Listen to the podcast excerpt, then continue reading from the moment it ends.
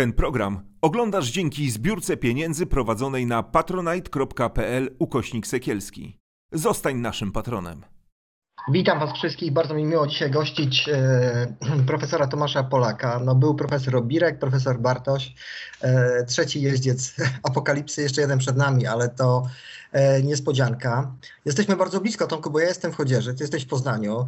E, no a, a, a, a studio będzie obrabiało ten nasz program w Warszawie. Bardzo się cieszę z przyjęcia zaproszenia. Bardzo dużo osób prosiło mnie, żeby e, profesora zaprosić e, do mojej audycji. E, Tomku, bardzo ważna książka w tym roku. To jest, e, uważamy, jedna z najważniejszych książek w ostatnim dziesięcioleciu. Znaczy, ja nie mam aż takiej perspektywy, ale e, książka, mm, mam na myśli system kościelny oczywiście, która pokazuje trochę bardziej z lotu ptaka te, te, te wszystkie okruchy, którymi żyjemy na co dzień, prawda? Bo to zebrane dopiero do całości pokazuje, jak, jak to działa. Mam pytanie, czy są, będą jakieś tłumaczenia tej książki, czy są jakieś takie perspektywy? Yy, Najpierw witam wszystkich serdecznie. Yy, Dziękuję za to zaproszenie. Yy, Perspektywy są, to znaczy dziekan wydziału, na którym obecnie rezyduje pracownia pytań granicznych, yy, przyznał pieniądze na tłumaczenie na angielski. Yy, Niestety na razie tłumacz coś się nie, nie, melduje. Muszę go przepytać, bo miał przesyłać fragmentami to, co zrobił, a na razie nic nie przesłał. To już jest parę miesięcy, więc że mam nadzieję, że, że nie zachorował ani nie umarł w tym czasie. To jest, to jest do sprawdzenia. Natomiast ma być tłumaczenie na język angielski Świetnie. i, i wtedy e, także próba wydania tej książki w tym języku. No, jeszcze pytanie, gdzie i w jakich okolicznościach, ale, ale tak, tak będzie. Mówię o tym, bo, bo, bo wiem, że i prasa skandynawska się książką tą zajmowała, też e, prasa niemiecka, z tego co wiem, ja się bardzo z tego cieszę. Natomiast chciałbym zacząć trochę od ploteczek, żeby ta rozmowa nie była taka poważna. E, nagrywamy tę audycję w dniu, w którym dowiedzieliśmy się o tym, że w sprawie biskupa Szkodonia, przypomnę, on stał, znaczy nie stał pod zarzutami, prowadzono postępowanie karne w Krakowie. Według prokuratury biegła psycholog uznała wiarygodność osoby pokrzywdzonej, osoby, która nie kończyła 18 roku, e, roku życia. E, W postępowaniu kościelnym żadnych biegłych nie było, tylko e, zeznania kilku panów. No i e, mamy taki dziwny wyrok, bo w tym postępowaniu kościelnym jest możliwe rozstrzygnięcie poza winny, niewinny jeszcze, że nie dowiedziono winy. I wiemy już tak, bo muszę powiedzieć, że wiem to zupełnie nieoficjalnie, ale z takiego bardzo pewnego źródła, że w sprawie kardynała Dziwisza zostanie ogłoszona decyzja o tym, że nie znaleziono podstaw do tego, żeby pociągnąć go do jakiejś odpowiedzialności. E, Chciałbym Cię spytać o taką oto rzecz, bo mm, kardynał Dziwisz i jego okres krakowski to jest pewien oczywiście czas ważny w jego, w jego tutaj działalności na terenie Kościoła Polskiego, ale my mamy całą masę publikacji dotyczącą już e, tych zaniedbań ewidentnych otoczenia Jana Pawła II dotyczącego mm, e, mm, e, no, założyciela Legionistów Chrystusa. E, No to jest sprawa też kardynała Grera. Tak naprawdę, powiedzmy sobie szczerze, nie ukazał się żaden raport z tego, co wiem, chociaż był prowadzony przez, nie- nie- zdaje się, jakiegoś amerykańskiego dominikanina. Te sprawy tak holowano. Jest pytanie takie, no bo ja mam takie wrażenie, że każe się takie płotki, nie, tutaj w Polsce, no bo taki Janiak to, to, to nie jest jakiś tam y, biskup wpływowy, istotny. E, Kardynał Gulbinowicz już pewnie tak i w ogóle ci jego chlopcy, jak to on to mówił, e, no, no, no, no, no są ukarani. Mam na myśli biskupa e, Tyrawę, e, no, wybitną postać polskiego kościoła, w cudzysłowie e, chyba najmo, najbogatszego biskupa w Polsce, Sławoja Leszka e, Głodzia. A te osoby, te rekiny, które stworzyły to przyzwolenie na ten system, e, mam tutaj na myśli arcybiskupa Kowalczyka, kardynała Dziwisza, no nie ponoszą żadnych odpowiedzialności. Janiak jest też z tego, z tych chłopców, także Chlop, chlop, chłopcy, tak, tak. chłopcy, tak, tak.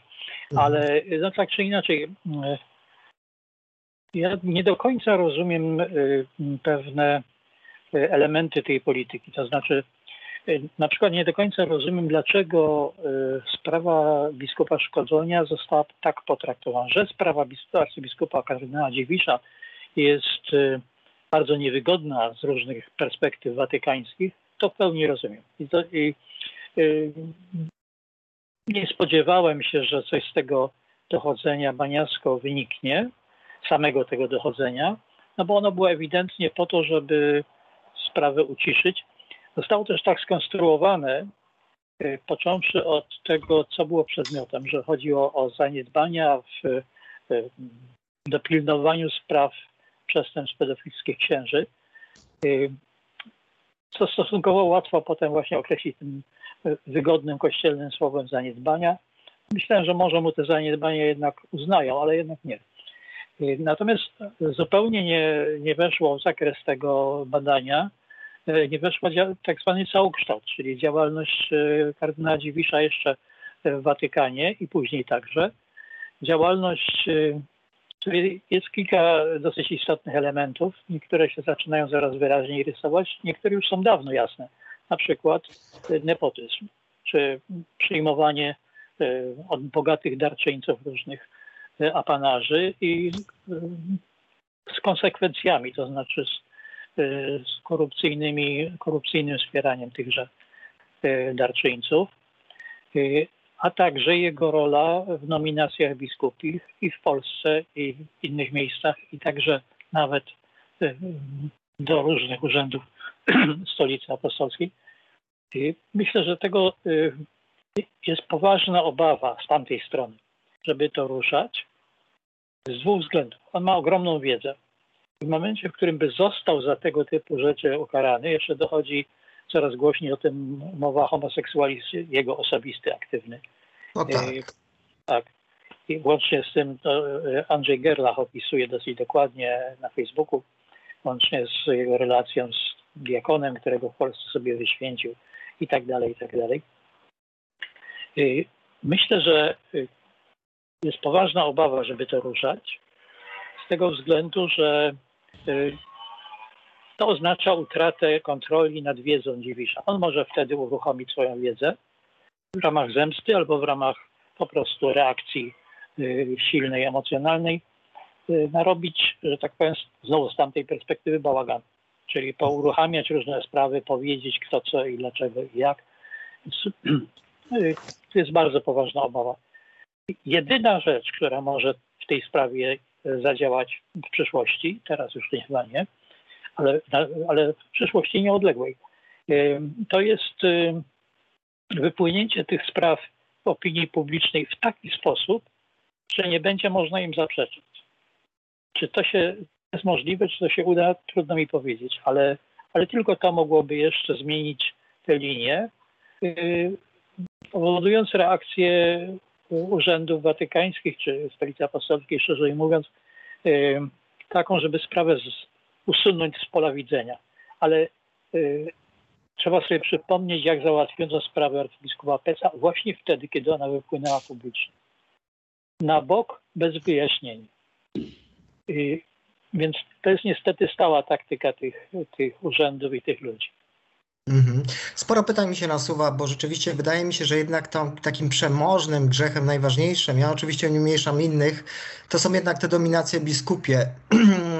No powiedzmy sobie szczerze, jak spojrzymy na ten episkopat, na jego pewną mentalność, tej, tą mentalność okocha, okopanej twierdzy, na polot intelektualny polskich biskupów, no to się ma wrażenie, że, że to są czasami panowie od śrubek, no bo jak ja słuchałem, co Janiak opowiada, po prostu, to tam nie ma jakiejś perspektywy, głębi. Ja myślę, że ten antyintelektualizm przede wszystkim i może to, o czym mówił Thomas Doyle w rozmowie z nami w Gazecie Wyborczej, że kluczem po prostu do nominacji biskupich były trzy rzeczy.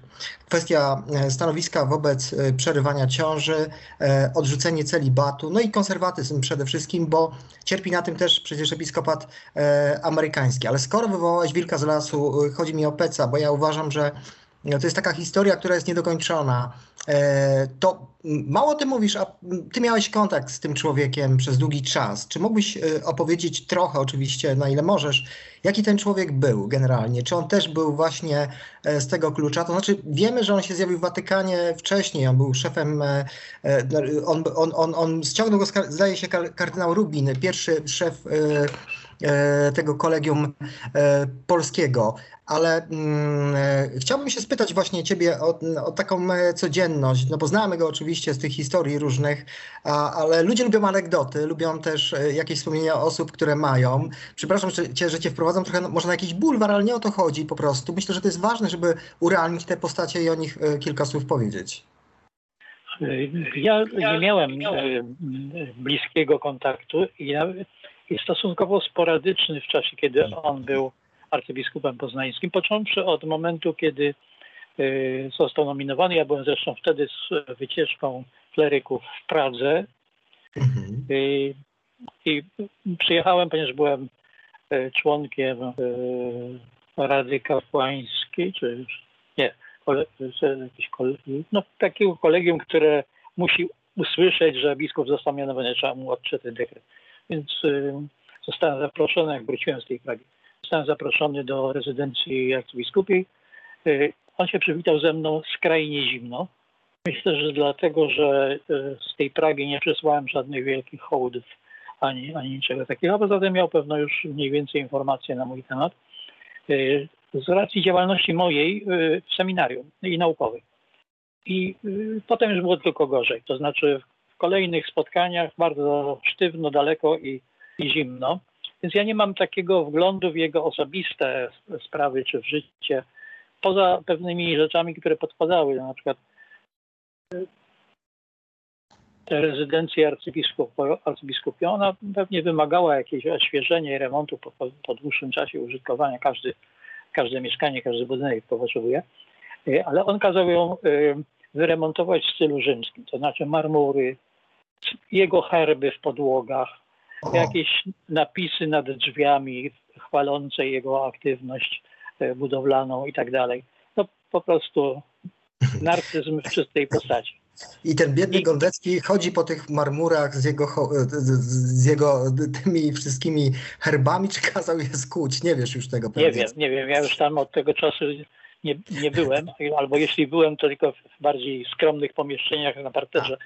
Więc nie wiem, nie wiem zupełnie, ale pewnie nie wiem, czy to kazał skuć, bo to za przeproszenie cholerna robota i kosztowna i trzeba by coś tam znowu położyć, no więc, więc On akurat Gondecki tak, takich zapędów nie ma. Jest pod tym względem e, no, dużo bardziej skromny. Aha, dobrze.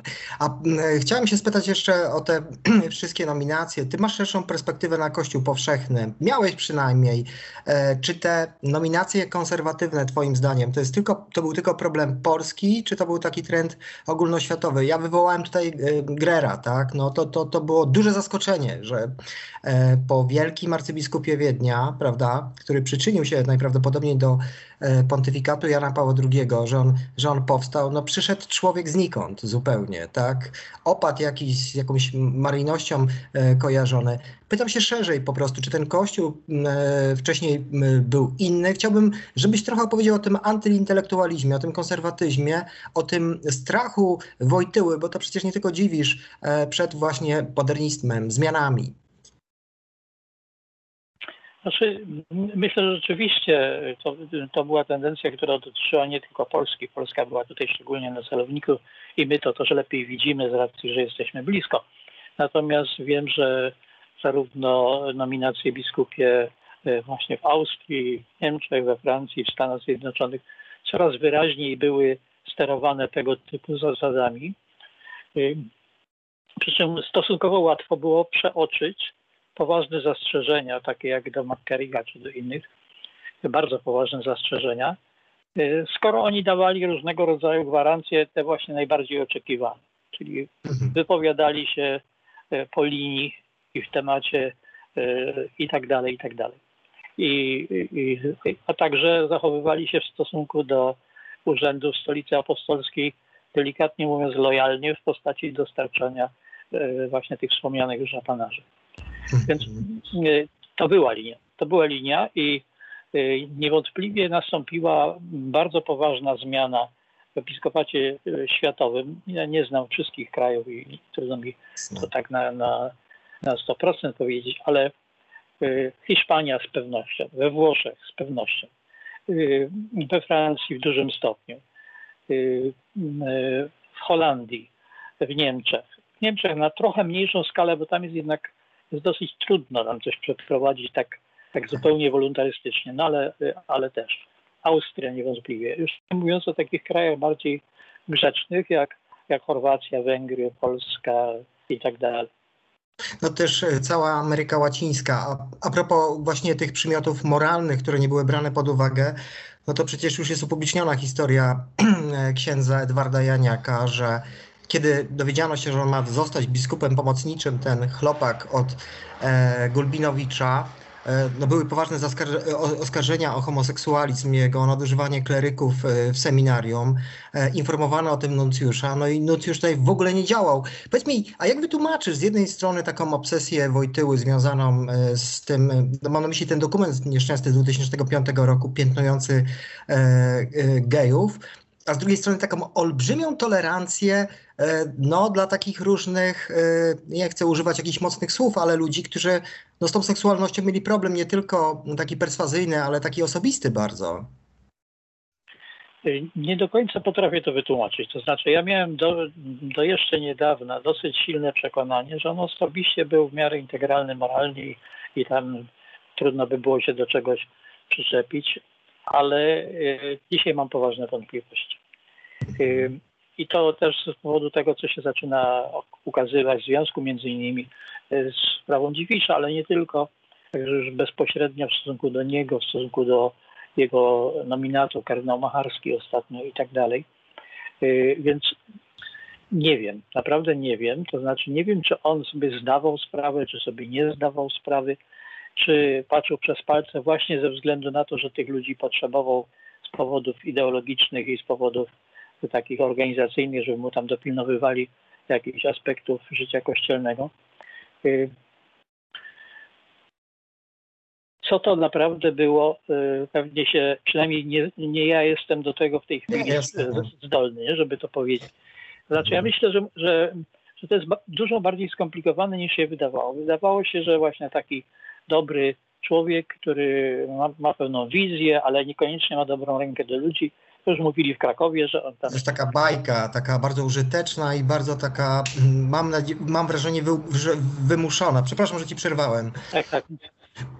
Jest taka właśnie bajka o tych dobrym carze i złych bojarach, tylko ja zastanawiam się, jak wszyscy mówią, że Wojtyła miał filtry, stawiam takie pytanie, czy nie chodziło o to, nie o to, żeby on miał filtry, żeby powiedzieć, że do niego pewne informacje nie dochodziły, czy po to były te filtry, e, żeby dopilnowały, żeby nikt mu nie zarzucił, że on oficjalnie coś wie. Wiesz, bo to e, różnie można przedstawiać. To możliwe. To znaczy, ja, ja nie wykluczam, trudno też trudno potwierdzić jednoznacznie, ale, ale, ale jest bardzo możliwe, e, że to tak było. Y, że on się do pewnego stopnia dawał oszukiwać, albo też właśnie y, zakrywano to, to co się tam naprawdę dzieje. To jest y, wielka, stara kultura dyskrecji, przy czym słowo dyskrecja jest dość pozytywne, a tutaj trzeba powiedzieć raczej omerta. To mhm. znaczy, nie mówimy nic. Jak nie musimy, to nie mówimy nic. Wszystko, co się dzieje, zostaje ukryte. Ja w mojej książce wspominam taki dokument jeszcze z czasów Pawła VI. Tak, tak, tak, opublikowany za jego, za jego poleceniem na temat y, pracowników watykańskich, znaczy dotyczący pracowników watykańskich i obowiązku zachowania sekretu urzędowego. Sama zasada sekretu urzędowego jest zrozumiała. Wszystkie instytucje mają jakieś tam y, ograniczenia komunikowania rzeczy istotnych dla działalności, a niekoniecznie korzystnych w obiegu publicznym.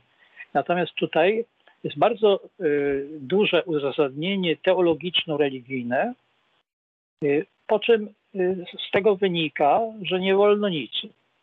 Że jak ktoś coś powie, to, to, no to się sprzeniewierza najświętszym wartościom i tak dalej. To jest tylko maskarada, to, ten, ten dokument. Ale to jest maskarada, która ma po powiedzieć, że to, co my robimy, to jest w porządku. To znaczy, że my mamy prawo w ten sposób ukrywać wszystkie aspekty naszej działalności ze względu na dobro Kościoła. I, i tyle. Mhm. E, rzeczywiście tych dokumentów było więcej, tych instrukcji, bo ja do dzisiaj zauważyłem, że te postępowania, które się toczą, e, to tak naprawdę osoby pokrzywdzone no nie mają wglądu do tych postępowań. Są, tak naprawdę nie są stronami tego postępowania.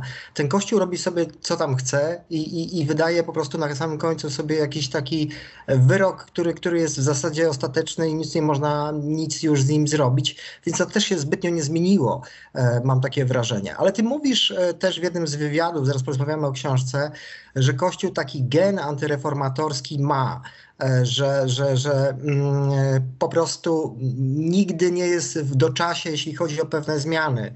E, tu można by mnożyć przykłady. Mamy już e, stanowisko nauki w przedmiocie no po prostu zrównoważenia orientacji, tak, po prostu równouprawnienia ich. E, mamy stanowisko psychologii, jeśli chodzi o masturbację, tak, że mm, to jest normalne zachowanie, e, potrzebne, normalne dla wieku rozwojowego. Mm, mamy też jakieś stanowiska poważnych e, instytucji międzynarodowych na temat kwestii dopuszczalności przerywania ciąży. Mówi się, że to jest prawo obywatelskie i tak dalej. To jest oczywiście sytuacja trudniejsza niż te, o których, o których ja mówię, 呃 a, a, a Kościół jest zupełnie nieracjonalny. I wytłumacz, bo tutaj wchodzę na teren już Twojej książki, tak, że ci wszyscy dobrzy katolicy, którzy chodzą do tego kościoła, słuchają tych kazań właśnie, że to jest wszystko złe, no ale z tego co wiem, to tutaj y, mnoga ilość y, e, katoliczek no, przerywa ciążę, no mężczyźni korzystają z prezerwatyw po prostu. Jak to jest, jak ty wyjaśnisz to zjawisko? Czy to jest zjawisko takie bezrefleksyjne po prostu? O co tu chodzi? Po prostu o też o jakąś taką maskaradę na zewnątrz? Znaczy ja myślę, że to jest, to są dwa czynniki. Jeden to jest, jednym czynnikiem jest klerykalizacja, stosunkowo dawno już dokonana klerykalizacja Kościoła jako wspólnoty, w tym sensie, że duchowni przejęli pewną e, nie tylko rolę instytucjonalną w sensie zarządców, administratorów czy, czy tych głównych e, postaci Kościoła, ale także przejęli przekonanie, że ich e, sposób życia i ich przez nich stawiane sobie zasady czy wymagania w zasadzie powinny być stosowane przez wszystkich, no ale ponieważ nie można się całkiem obyć bez małżeństwa, to niech już to małżeństwo będzie, ale i wprowadzano bardzo długo, aż praktycznie do e, czasów najnowszych, czyli do Jana Pawła II i teologii ciała, co jest trochę też przereklamowane, no ale mimo wszystko to był zwrot w tej dziedzinie. Wprowadzano poważne restrykcje, jeśli chodzi o życie e, seksualne, także małżonków, nie tylko w ogóle. No tak, ja o tym mówię właśnie. Tak, tak. tak. I y, to jest ta jedna linia, ale jest ich jeszcze więcej. Y, ja zauważyłem pewne prawidłowości, w tej książce je opisuję. To są takie dwie duże prawidłowości. Jedna to jest cykl tysiącletni. To znaczy mniej więcej to, co się zaczęło z wczesnym chrześcijaństwem, skończyło się y, no, nie całkiem na początku średniowiecza, ale na początku drugiego tysiąclecia skończyło się w tym sensie, że e, to był pomysł na funkcjonowanie czegoś takiego jak e, hierarchiczny kościół na wzór Imperium Rzymskiego. Czyli mamy centralną strukturę, mamy pewne delegacje władzy i tak dalej. E, mamy system feudalny pod wieloma względami analogiczny do systemów feudalnych cesarskich, czy królewskich, czy innych. I to funkcjonowało, tylko że to się skończyło y, u szczytu średniowiecza, to znaczy moim zdaniem na przełomie XII i XIII wieku, kiedy nastąpiła pierwsza wielka emancypacja y, znacznej części społeczeństwa, w szczególności y, kupców czy mieszczan.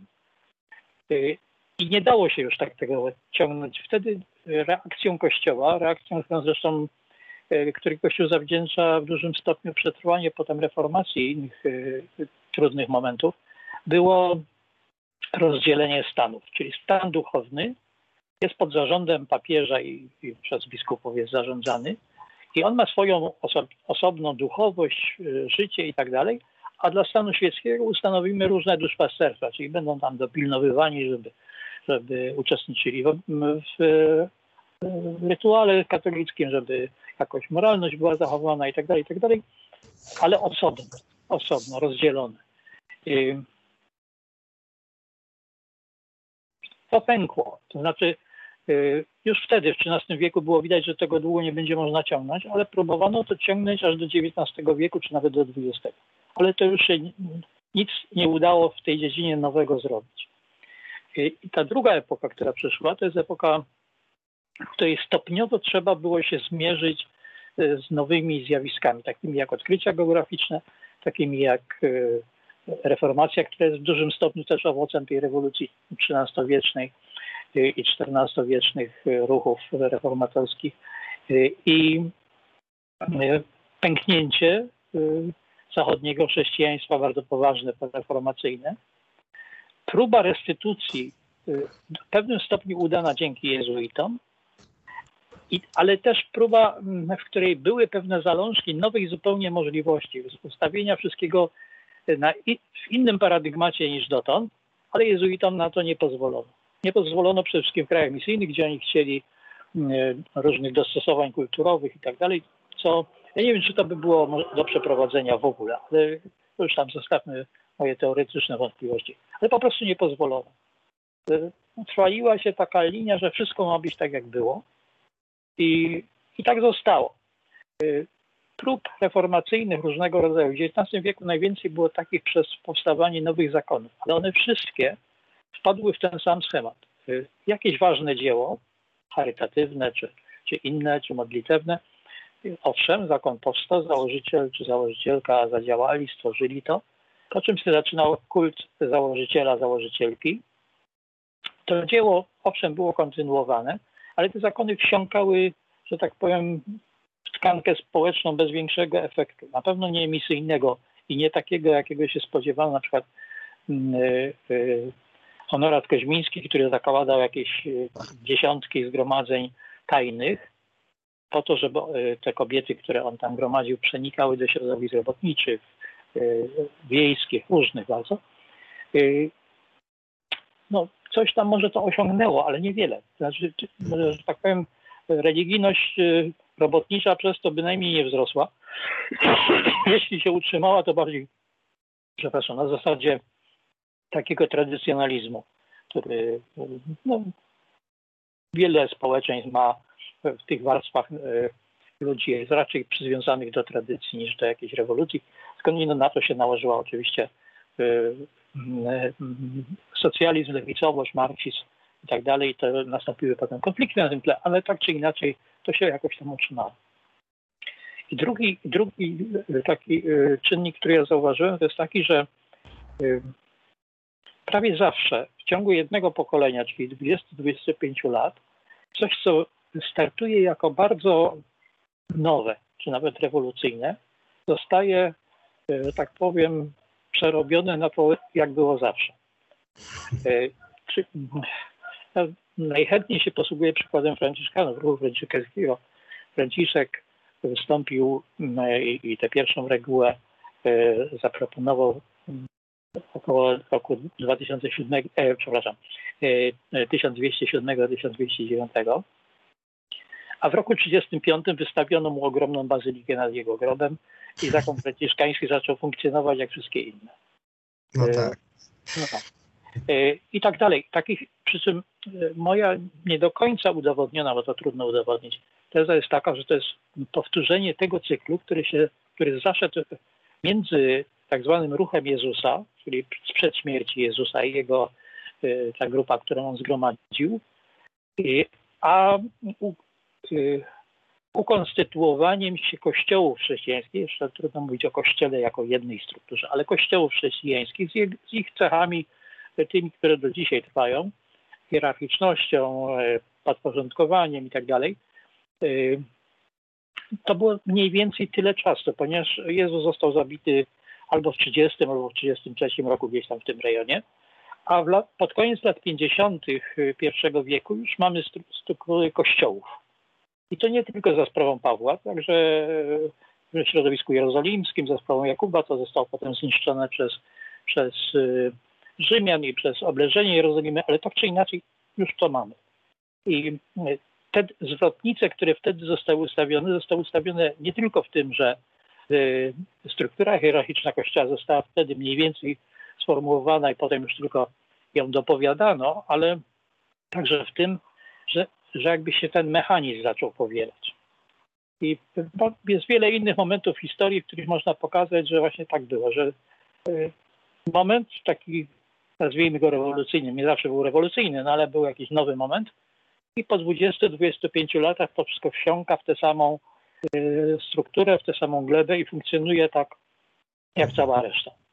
No, tylko, że no, mówiliśmy o tym, że, że ty opisujesz też w książce po prostu na jakich uczuciach, na jakich mitach, na jakich strunach e, Kościół trwa i chciałbym e, też popularyzując twoją książkę, żebyś o tym trochę opowiedział, no bo to jest jednak fenomen, e, że co by nie powiedzieć, tak? Mam na myśli tutaj Kościół, że on sobie tak dobrze funkcjonuje. E, chciałbym, żebyś powiedział e, po prostu, jakich ta instytucja używa technik, e, nie wiem czy manipulacyjnych, no ale chyba można mówić też o tym, tak, e, które sprawiają, że ta masowość, to przywiązanie, e, to też e, jak gdyby taki sentyment duży, prawda, tradycja, cała historia, jakaś mitologia przy tym wszystkim jest. Chciałbym, żebyś to wytłumaczył, bo zdaje się, że Kościołowi nie zależy na świadomych katolikach, na ludziach, którzy czytają Ewangelię, którzy po prostu mają jakieś swoje poglądy, którzy są krytyczni, którzy zadają pytania. Y, to prawda, tylko że ja, powiedzmy, ja w tej książce próbuję patrzeć na to bardziej systemowo, mniej, no mniej tak doraźnie w sensie dostrzegania obecnych negatywnych zjawisk. Y, niewątpliwie tak jest, to znaczy, że y, zbyt krytyczni katolicy to jest pewna, jeśli nie zakała, to w każdym razie coś, czego sobie za bardzo nie życzy. Mówię teraz znowu z perspektywy struktury hierarchicznej. Ale, ale dobrze, ale istotniejsze jest, są pewne takie cechy immanentne. znaczy pierwsza cecha immanentna jest taka, że y, ten proces, o którym przed chwilą mówiłem, te pierwsze 25 lat, był możliwy dlatego, że, że została dokonana pewna, ja myślę, że spontaniczna, niewyrachowana manipulacja na y, obrazie Jezusa. To znaczy z, z obrazu Jezusa, jakim był, powstał obraz Jezusa Chrystusa, Pana, Zbawiciela, Mesjasza, pana nad panami, króla nad królami i tak dalej, i tak dalej, i tak dalej. Y, ja w tej książce y, posługiwałem się krótkimi obowiązkami Bertolda Brechta o panu tak, K. Tak, tak. Ta pierwsza, tego właśnie tego, co zrobiono na początku, dotyczy opowiastki, pana K zapytano, co pan K robi, kiedy kogoś kocha. On mówi, stwarzam, się, stwarzam sobie jego obraz i staram się, żeby był podobny. Y, ten obraz? Nie, ten człowiek. Znaczy stworzono sobie pewien obraz docelowy i teraz Jezus może tylko funkcjonować, jeśli spełnia cechy tego obrazu. Dlatego jest opór skrajny przeciwko y, próbowaniu jakiegoś zdeszyfrowania Jezusa człowieka, y, no, bo obraz zostaje wtedy naruszony. Drugi element to jest stworzenie takiej dziwnej równowagi ja mówię między pierwiastkiem anarchicznym a archicznym, ale tu chodzi o to, że ten pierwiastek anarchiczny to jest to właśnie, co wyszło z impulsu Jezusa, to znaczy pewna um, gotowość... też, tak. Mhm. Tak, gotowość na y, y, nietrzymania się zastarzałych reguł po to, żeby uchwycić istotę religijności. A z drugiej strony jest, to, jest to, co ja nazywam archicznym, to znaczy struktura, hierarchia. Teraz pomysł polega na tym, znowu nie, raczej spontanicznie to wyszło, po kolei tak wyszło, a nie, a nie, że ktoś to wymyślił, że mamy te dwa czynniki stale połączone. Biskup jest ojcem, jest bratem, y, ma głosić Ewangelię i w ogóle wszystko jednak ma być naśladowcą Jezusa, Chrystusa, a z drugiej strony jest władcą absolutnym.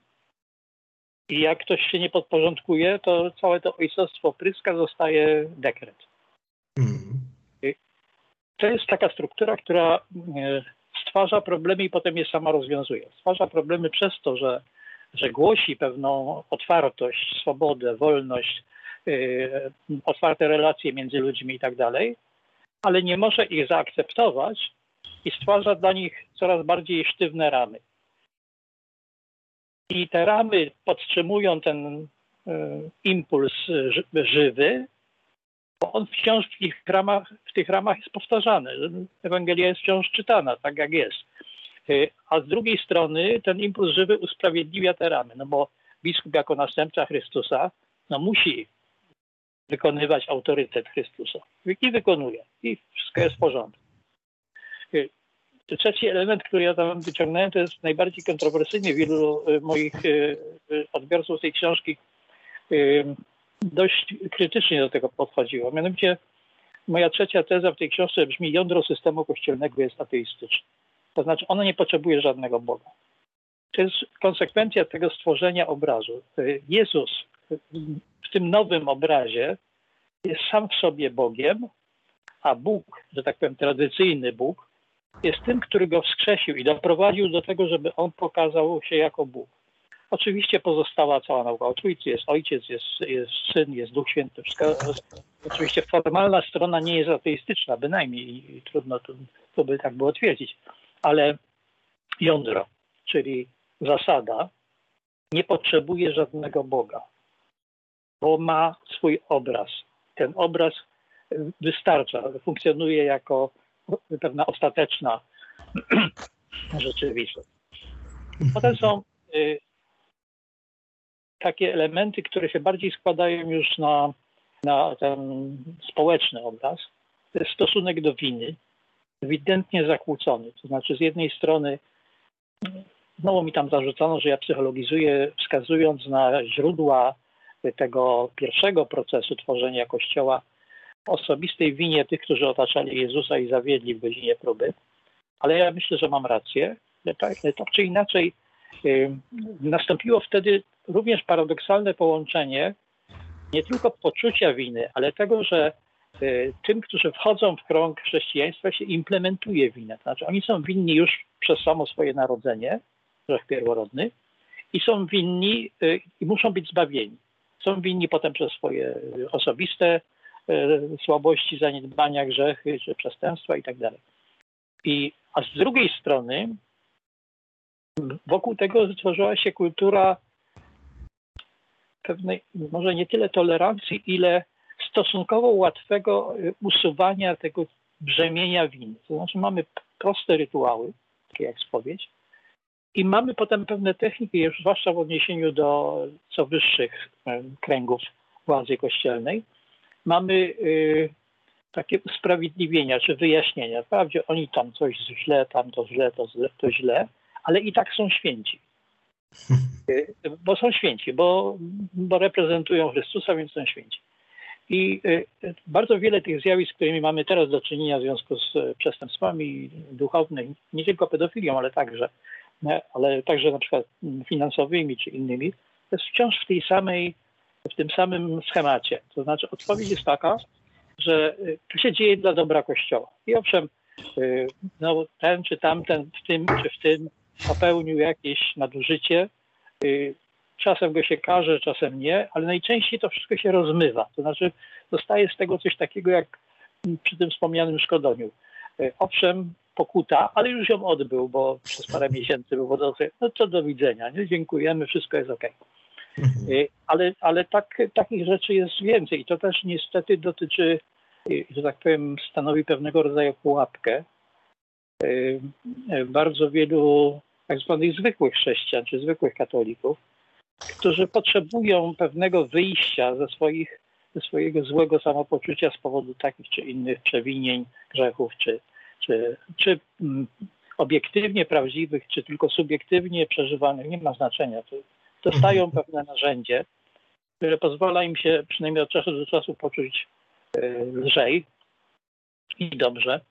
Myśmy kiedyś, pisząc y, z moją żoną taką, taki pierwszy wstępny szkic do y, dalszych prac na temat maszyn społecznych, napisali, że są takie maszyny, y, które, maszyny ideologiczne, które gromadzą ludzi, którzy płacą swoją energią życiową za to, że mają nierozwiązane problemy i żeby te problemy pozostały nierozwiązane. Oni płacą za to i wspierają tę całą maszynerię. Mhm. To jest niestety przypadek bardzo wielu ludzi, nie chcę nikogo obrażać, ale, ale, ale no niestety tak to, to działa. Może dlatego tak Marek Jędraszewski ostatnio krytykuje psychoanalizę, bo ona jest jednak jakąś alternatywą na rozwiązywanie swoich problemów. To też wiąże się też z tym poczuciem winy, o którym ty mówiłeś, prawda, e, że, że, że to jest istotne. Ta teoria właśnie maszyn społecznych jest bardzo ciekawa, bo wystawiacie taką e, E, te, że, że to jest taka no, maszyna też bardzo mocno pasożytnicza, w której tylko niektórzy żywią się tą energią. Tak trochę to jako żywo przypomina też Mitel Kościół, bo też wracam do tej twojej y, refleksji historycznej na temat tej stanowości, bo mam takie wrażenie, że ta stanowość została. E, już pomijam to, że ewangelizacji nie ma w Polsce żadnej, no bo to jest proces odwrotny, to trzeba przyjść do kościoła, e, żeby wysłuchać łajania jakiegoś biskupa albo księdza. No ja nie widzę na ulicach jakiejś ewangelizacji, absolutnie żadnych, chociaż jest przecież e, posłanie Jezusa, nie tylko chyba w jednej Ewangelii, idźcie na cały świat, głoście, spotykajcie się z wykluczonymi, E, i tak dalej. A z drugiej strony mamy pewien establishment kościelny i to jest taki surogat tej kastowości. Ludzie ubranych w specjalne stroje. Nie myślę tylko o zwykłych księżach. Mam na myśli, ja to cały czas powtarzam, bo to jest dla mnie niezrozumiałe i anachroniczne, te specjalne czapki, zdaje się, co się mitry nazywa, pastorały, pierścienie, więc to jest ten e, cały taki, no ja nie wiem, czy folklor, czy, y, czy e, co to ma znaczyć, e, czyli tak naprawdę, ale jesteśmy na to nabierani, tak, bo, bo, bo to, o czym ty mówisz, to działa, tylko widzisz, ty nie chcesz nikogo obrażać, ale według tezy, którą stawiasz w swojej książce, no to ludzie nie wierzą w Boga, tylko w obraz Boga, który został stworzony przez grupę cwanych ludzi. Przepraszam, że tak mówię wprost. Znaczy, pewnie można tak też powiedzieć. Znaczy, ja myślę, że to jest bardziej znowu skomplikowane, bo y, to nie jest tak, że y, ja dosyć staram się unikać sugerowania, że y, i w historycznych zdarzeniach, tych pierwszych ważnych i potem mm. różnych ważnych zdarzeniach w historii chrześcijaństwa, dokonywały się jakieś świadome manipulacje. Częściowo tak. Wszędzie się dokonują. Ludzie są niestety też manipulatorami i, i jak mają jakieś interesy, to próbują je y, rozwinąć. Ale, ale to, to były takie procesy narastające. Znaczy, jak już powiedziano, że ci y, prezbiterzy i biskupi są wyróżnieni przez świętość i przez związek z Chrystusem, to potem było bardzo łatwo, kiedy nastały do tego warunki na początku IV wieku, zażądać dla nich takich przywilejów, jakie mieli dotąd kapłani kultów tak zwanych pogańskich, czyli kultów innych religijnych imperium wczesnym, rzymskim. Y, oni zażądali wtedy, po pierwsze osobnego stroju, to od wtedy jest, od początku IV wieku.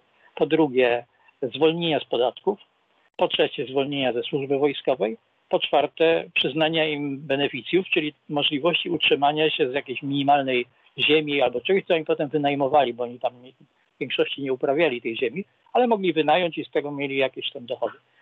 Y, I tak dalej. To potem poszło szybko. I, i y, jeszcze w tym IV wieku byli papieże, które, którzy reagowali ostro i krytycznie na to, mówiąc, że ksiądz się nie powinien wyróżniać strojem, tylko pobożnością i moralnością i tak dalej. No ale, że tak powiem, prawie wszyscy potem w to wsiąkli i bez większych kłopotów to przyjmują. Przy czym y, etologia tych, tych różnych rzeczy jest bardzo ciekawa, bo to są różne dziwne sploty. Perskie czapki, te mitry to są perskie czapki y, religijne, nie? to znaczy związane z, z kultami, y, z działalnością kultyczną. Myśmy mieli kiedyś, to była jedna z bardziej komicznych historii, kiedy ja byłem rektorem seminarium. No i się przyjechał do nas Niemiec, profesor, liturgista, ale równocześnie też etolog. I e, zrobił wykład na temat e, powiązań między zachowaniami zwierzęcymi i zachowaniami e, duchownych. O. Klerycy, tam część była straszliwie obruszona, kogo myśmy to zaprosili. On mówił na przykład tak, no co robią zwierzęta, kiedy chcą imponować? No się stroszą. A co robią duchowni, jak się chcą imponować? Się stroszą. Mhm. Czapka, szeroki ornat, dużo tam tego pouwieszane i tak dalej. E, co robią zwierzęta, jak oznaczają swój teren? Chodzą, sikają i sobie oznaczają.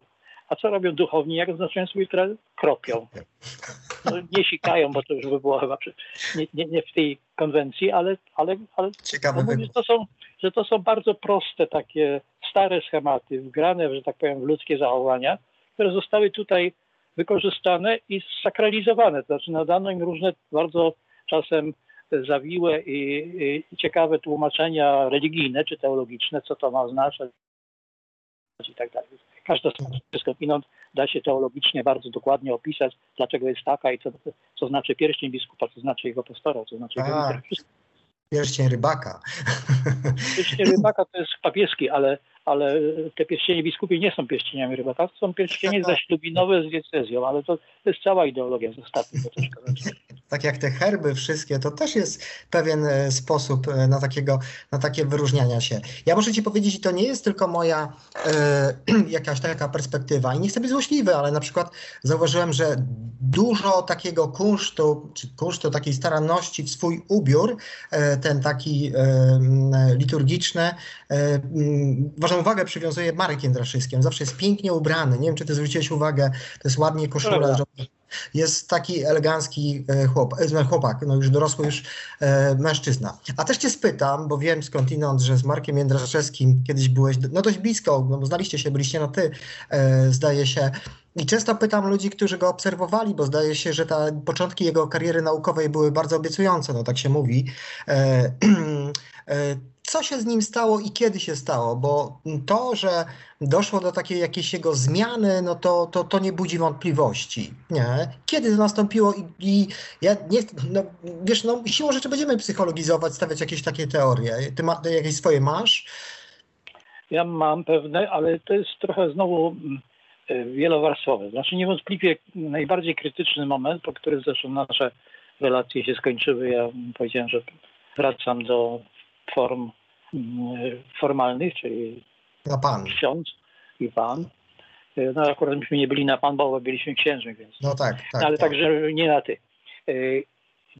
To wszystko nastąpiło w związku ze sprawą arcybiskupa Peca i jego rolą w tej sprawie, także z tym, co mm, ja w ramach takiego wywiadu dla Tygodnika Powszechnego powiedziałem o jego roli. I z oczywistą rolą, on nawet nie, nie, trzeba było tego mówić, on wiedział, co zrobił. I, i, i musiał wiedzieć, poza myślę, teraz, wtedy tego nie wiedziałem aż tak. Bo w ogóle, kiedy ja byłem na studiach w Rzymie, ja nie miałem żadnych podejrzeń w stosunku do Peca o jakieś zachowania homoseksualne. Mało go znałem, ale, ale nic nie słyszałem, ani plotek, ani nie plotek, po prostu nie.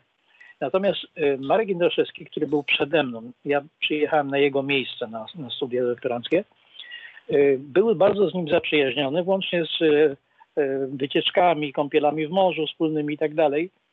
I potem, jak się to wszystko rozkręciło, to zaczęły do mnie docierać różne takie sygnały, że to, to nie była tylko taka, taka przyjacielska wycieczka, tylko że to były jakieś podteksty także bardziej osobiste. Nie wiem, tylko powtarzam. Natomiast to się zaczęło wcale nie dopiero ten, ten zwrot. Wcale nie dopiero wtedy, kiedy właśnie to, to o czym teraz mówię, w związku z Pecem i jego rolą i tak dalej, się zaczęło już w Rzymie, zanim jeszcze z Rzymu wyjechał. Tego też długo nie wiedziałem, ale potem powiedział mi ktoś, kto go dobrze znał i znał otoczenie, w którym on się w Rzymie poruszał, że on się z kolegą ze studiów doktoranckich założył, który z nich pierwszy zostanie biskupem. Hmm. Wtedy. Karierowicz, karierowicz. No, no, ewidentnie był na to nastawiony. Ja się zastanawiałem na przykład, jak to się stało, że on został arcybiskupem krakowskim.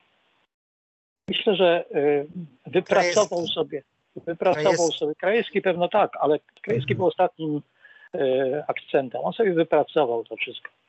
Przez kontakty z y, Janem Pawłem II, on w swoich książkach opisuje, jak ile razy się spotykał, że papież go jako kolegę filozofa traktował, że wszystkie swoje prace mu posyłał papieżowi on, Marek, tak, tak. i tak dalej, i tak dalej.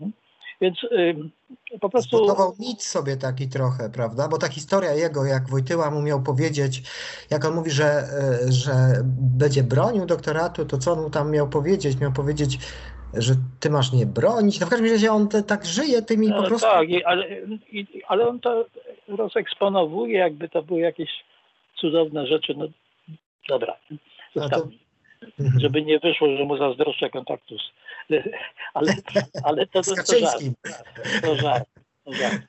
E, więc to jest niestety taka sylwetka. I to, potem nastąpiło natomiast, i to jest poważniejsze, moim zdaniem tam jest jakiś podkład problemów osobistych y, trudno nie przypuszczać, że też związanych z, z, z seksualnością, bo y, nie tylko on, takich jest więcej, ma symptomatyczne reakcje. To zresztą, co Martello opisał też w dużym stopniu, że ci, którzy mają niezałatwione sprawy, nawet jeśli nie są czynnymi y, homoseksualistami czy jakimiś innymi aktywnościami, jakichś innych aktywnościach nieakceptowanych moralnie, y, to y, oni sami jakby stwarzają taką, taką przeciwwagę w postaci tego, co mówią przeciwko. Mówią przeciwko homoseksualizmowi, mówią przeciwko różnym zjawiskom, jeszcze na przykład choćby tej psychoanalizie. To są symptomy pewnych niezałatwionych spraw, z którymi oni się nie uporali, mhm. pewnie się już nie, nie uporają. I, mm, no i że tak powiem, wszyscy y, musimy to oglądać, nie? A, a, nie, a, wielu ludzi musi cierpieć z tego powodu. To znaczy, ja myślę, że to jest właśnie ta strategia łapać złodzieja, prawda? Generalnie ukradłem coś, to przecież tak. łapać, złapać złodzieja. E, to jest taka sytuacja. Natomiast też mam wrażenie, że on jest takim e, trochę użytecznym, mówię, to jest ocena, użytecznym takim pajacem dla Kościoła, dlatego że zamiast zajmować się poważnymi sprawami, wiesz, potrzebami biednych ludzi, e, tymi milionami Głodzia, on przecież zapraszał Głodzia tam do Krakowa, no to jest ciekawe, że człowiek, który się przedstawia jako jakiś format filozofa, e, takiego buca zaprasza tam na, na, e, nie wiem, czy ty pamiętasz, to było dwa lata temu, czystość świętego Wojciecha i on jest użyteczny, dlatego Stanisława. że... Stanisława. Stanisława, przepraszam, no, no widzisz, ty, ty, pamiętasz, ja nie pamiętam, że mm, on jest użyteczny, dlatego że my zamiast zajmować się poważnymi sprawami Kościoła, sposobem sp y, y, sprawowania nim władzy, no to mamy taką sytuację, że on wyskakuje gdzieś. Ja mam wrażenie, że się bardzo cieszy, że coś głupiego powie, a potem o tym piszą, nie? E, ja nie wiem, no bo po co on to robi? No to jest taki narcyzm, to jest kawałek tej historii, o której ty... No, narcyzm niewątpliwie, ale e, tu jest, podkład jest taki, jak go próbowałem scharakteryzować. Moim zdaniem to są to są pewne e, symptomatyczne, nadmierne reakcje w kierunkach, w których on sam ma pewne problemy. Natomiast czy on e, spełnia rolę taką, jak opisałeś w sensie tego pajacowania czy, czy robienia rzeczy mało ważnych? Generalnie, e, jeśli chodzi o polski episkopat, takie jest oczekiwanie. Mało kto robi coś poważniejszego. Paru na jednej, na jednej dłoni można by policzyć takich, którzy którzy jakoś tam próbują coś Jak na kościół to jest dużo, tak. Się uśmiechną, coś powiedzą innego, e, to jest prawda. Ale, ale, nawet nie tylko, to znaczy w sensie powiedzmy biskup Nosol, który był bardzo poważnym człowiekiem. Tak, Katowice. Mhm. Tak, e, w Opolu. W Opolu, w Opolu przepraszam, bo to jest poprzednik właśnie ten czaj między innymi. Mhm, Śląsk. No. Tak, tak, tak. tak. Mhm. No, mhm. jeszcze by się na paru znalazło. Stroba niewątpliwie był poważny. No Muszyński, Muszyński pewnie też chyba ważną taką postacią był z Gniezna. E, tutaj można dyskutować, oczywiście każdy ma swoje tam, a uśmiechnęłeś się, dlaczego powiedz? Śmieję, tak, tak. Ja z nim miałem do czynienia dużo, jako dziekan wydziału. E, spuśćmy zasłonę milczenia. Szkoda. Myślę, że bez, no, już nie będziemy, nie musimy teraz wszystkiego oplotkować. Jasne. Natomiast y, do czego zmierzam, bo powiedziałeś bardzo ważną rzecz i bardzo taką charakterystyczną, bo e, bardzo duża część tak zwanych dobrych księży i światłych katolików e, mówią, że ten Jędraszewski to jest taki ewenement po prostu. Oni się bardzo mocno od niego odżegnują. No ale ja patrzę, że tak naprawdę przez drugą kadencję on i arcybiskup Gondecki, który no też ma takie różne bardzo nieszczęśliwe te kazania, bo tam on daleko nie ustępuje temu Jędraszewskiemu, e, no przewodzą temu episkopatowi, tak? No jest gdzieś wystawiany prymas na przykład co jakiś czas on jest tą twarzą tej walki z pedofilią, prawda?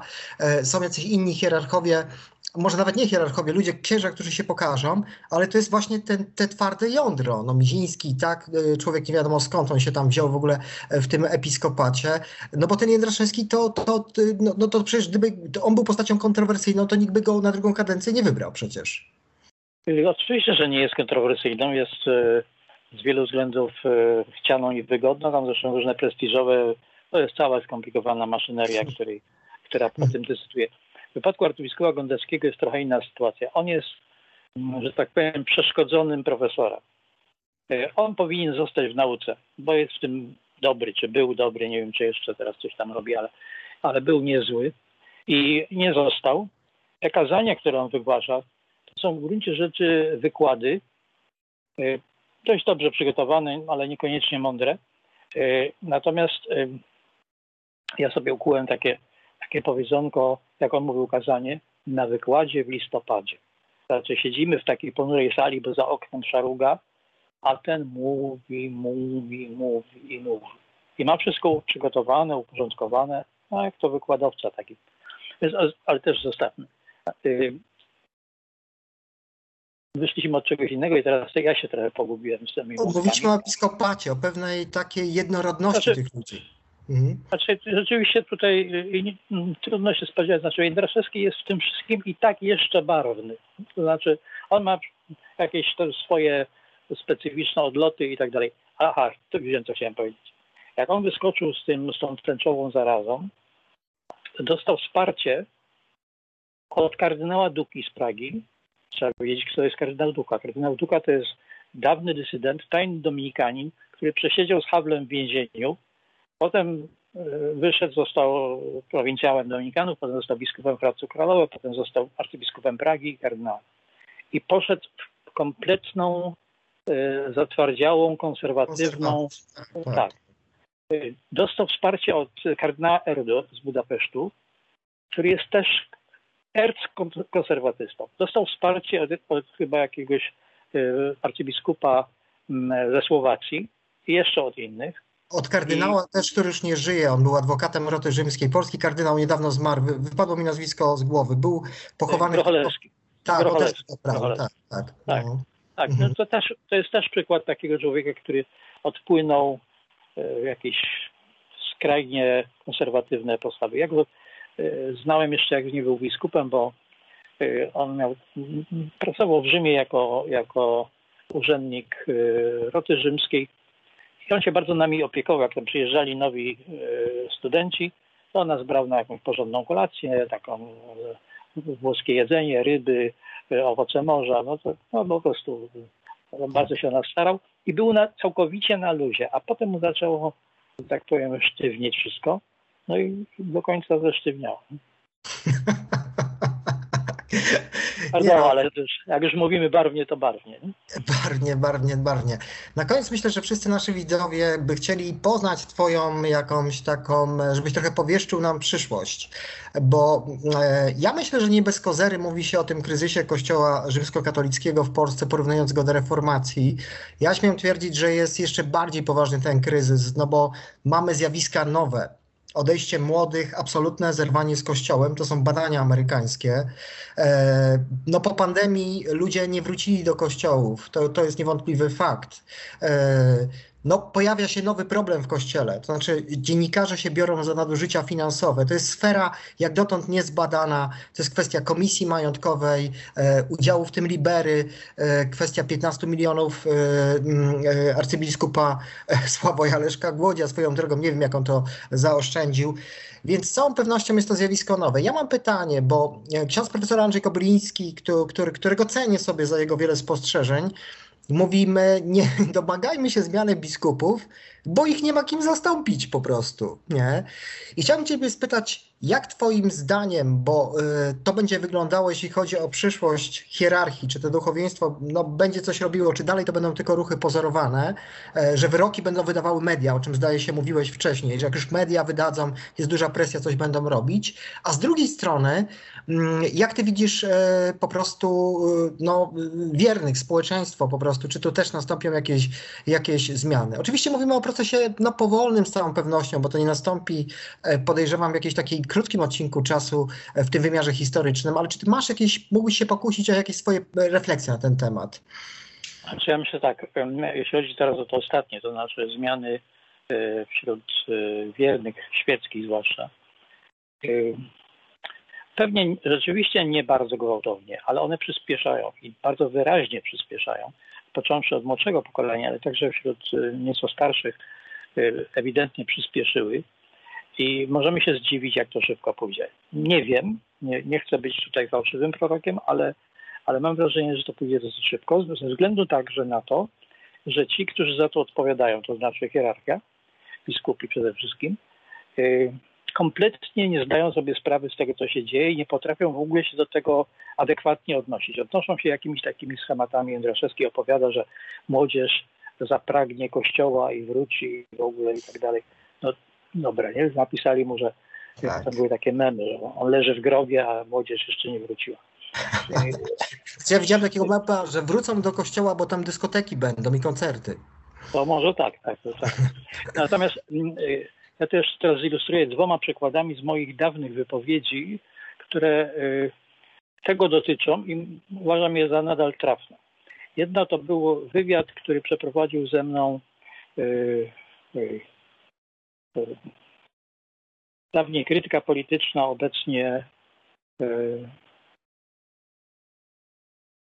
Krytyka polityczna dalej funkcjonuje, z tego co wiem. Wiem, wiem, wiem, nie, ale mi chodzi o człowieka.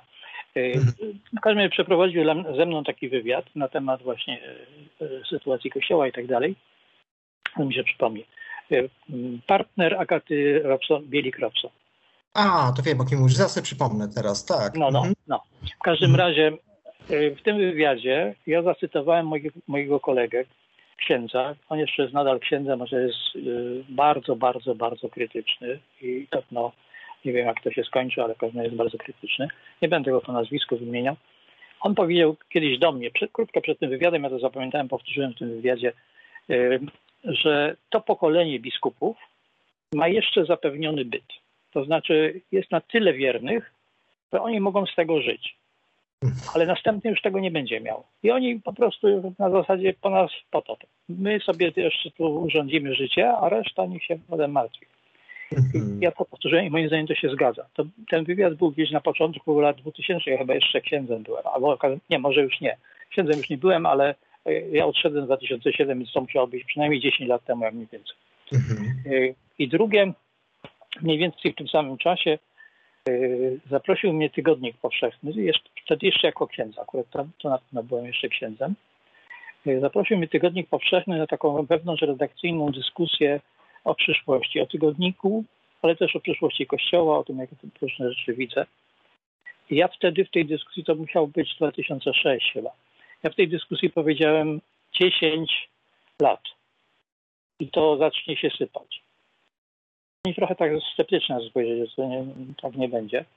Ja się niewiele pomyliłem. To znaczy, owszem, nie ma takiego kryzysu, że już się rozpadło, na pewno nie w 2016 roku, czyli 10 lat, ale jesteśmy niewiele dalej i widzimy, jak się sypie.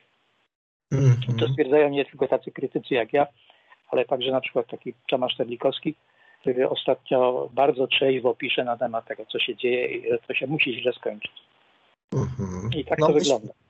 Znaczy ja myślę, że no powtarzamy po prostu, to jest taka komparystyka, po prostu to, co się dzieje w kościołach, i w których się działo na Zachodzie. To samo się pewnie będzie działo za jakiś czas w kościołach, e, nie wiem, e, na Ukrainie. No Afryka, z, te- z tego co słyszę, teraz tam jest jakiś e, renesans, tak? Wiadomo, jak to wygląda. No brutalne jest to, co mówiłeś, ale chyba prawdziwe, że no skończy się kasa i trochę inne motywacje może będą po prostu. E, To jest brutalne, ale z drugiej strony myślę, że coś w tym wszystkim jest na rzeczy, bo ja mam takie wrażenie, że całe to oprzyrządowanie, o którym ty mówisz, które powstało mm, krótko po śmierci Chrystusa, ale też później w postaci ukonstytuowania się i takiej emancypacji tego stanu duchowego, e, no to jest właśnie tak pomyślane, jednak bardzo mocno jest sprzężone z tymi wszystkimi e, cechami, tymi grzechami, z tą, z tą, z tą pychą właśnie, e, z, to, z tą rozwiązłością i tak dalej. Chciałbym, bo prosiłem Ciebie, żebyś pokazał na koniec książkę swoją. Nie, nie wszyscy ją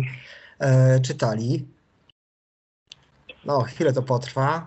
Nie, już mam. O, o, pokaż tutaj. O, tak jest. Troszeczkę dalej, można? Trochę dalej, dość bliżej siebie. E, dobrze. E, Książka. E, jest ze światła bardziej. Aha, jak działa system kościelny, e, w którym jest właśnie nawiązanie i, i pewien e, klucz po prostu związany z Brechtem, e, będzie do wygrania. Ja osobiście pojadę do profesora do Poznania z książką, profesor ją odpisze i każdy z naszych patronów, który będzie brał udział w konkursie, ma szansę tą książkę wygrać. Jeżeli chcecie się No. więcej dowiedzieć o, o, o tym, jak działa system kościelny, jeżeli zadajecie sobie takie pytania, e, bo ja myślę, że i w ogóle interesują Was te teorie związane e, z maszynami społecznymi, poszukajcie wykładów profesoru, profesora Tomasza Polaka, poszukajcie publikacji na stronie pracowni e, pytań granicznych, ale przede wszystkim sięgnijcie po tą książkę. Ta książka jest bardzo głośna, e, o niej się sporo mówi, warto się nad nią pochylać, żeby zrozumieć, jak ten biznes, przepraszam, e, że tak strywializuję może sobie ten problem, e, działa. Bardzo serdecznie dziękuję za to spotkanie. Ja dziękuję również. Rozmawialiśmy trochę poważnie, trochę poplotkowaliśmy, troszeczkę e, też e, mówiliśmy o bieżącej sytuacji. Oglądajcie nas, wspierajcie kanał e, Sekierskich. My nie osiągamy z tego tytułu żadnych środków, mam na myśli prowadzących, ale potrzeba czasem jakichś środków na montaż. Możecie też ten kanał udostępniać, lajkować, subskrybować. Ja się nazywam Artur Nowak, a moim i waszym gościem był dzisiaj profesor Tomasz Polak. Do zobaczenia. Do zobaczenia, dziękuję bardzo. Ten program oglądałeś dzięki zbiórce pieniędzy prowadzonej na patronite.pl ukośnik Sekielski. Zostań naszym patronem.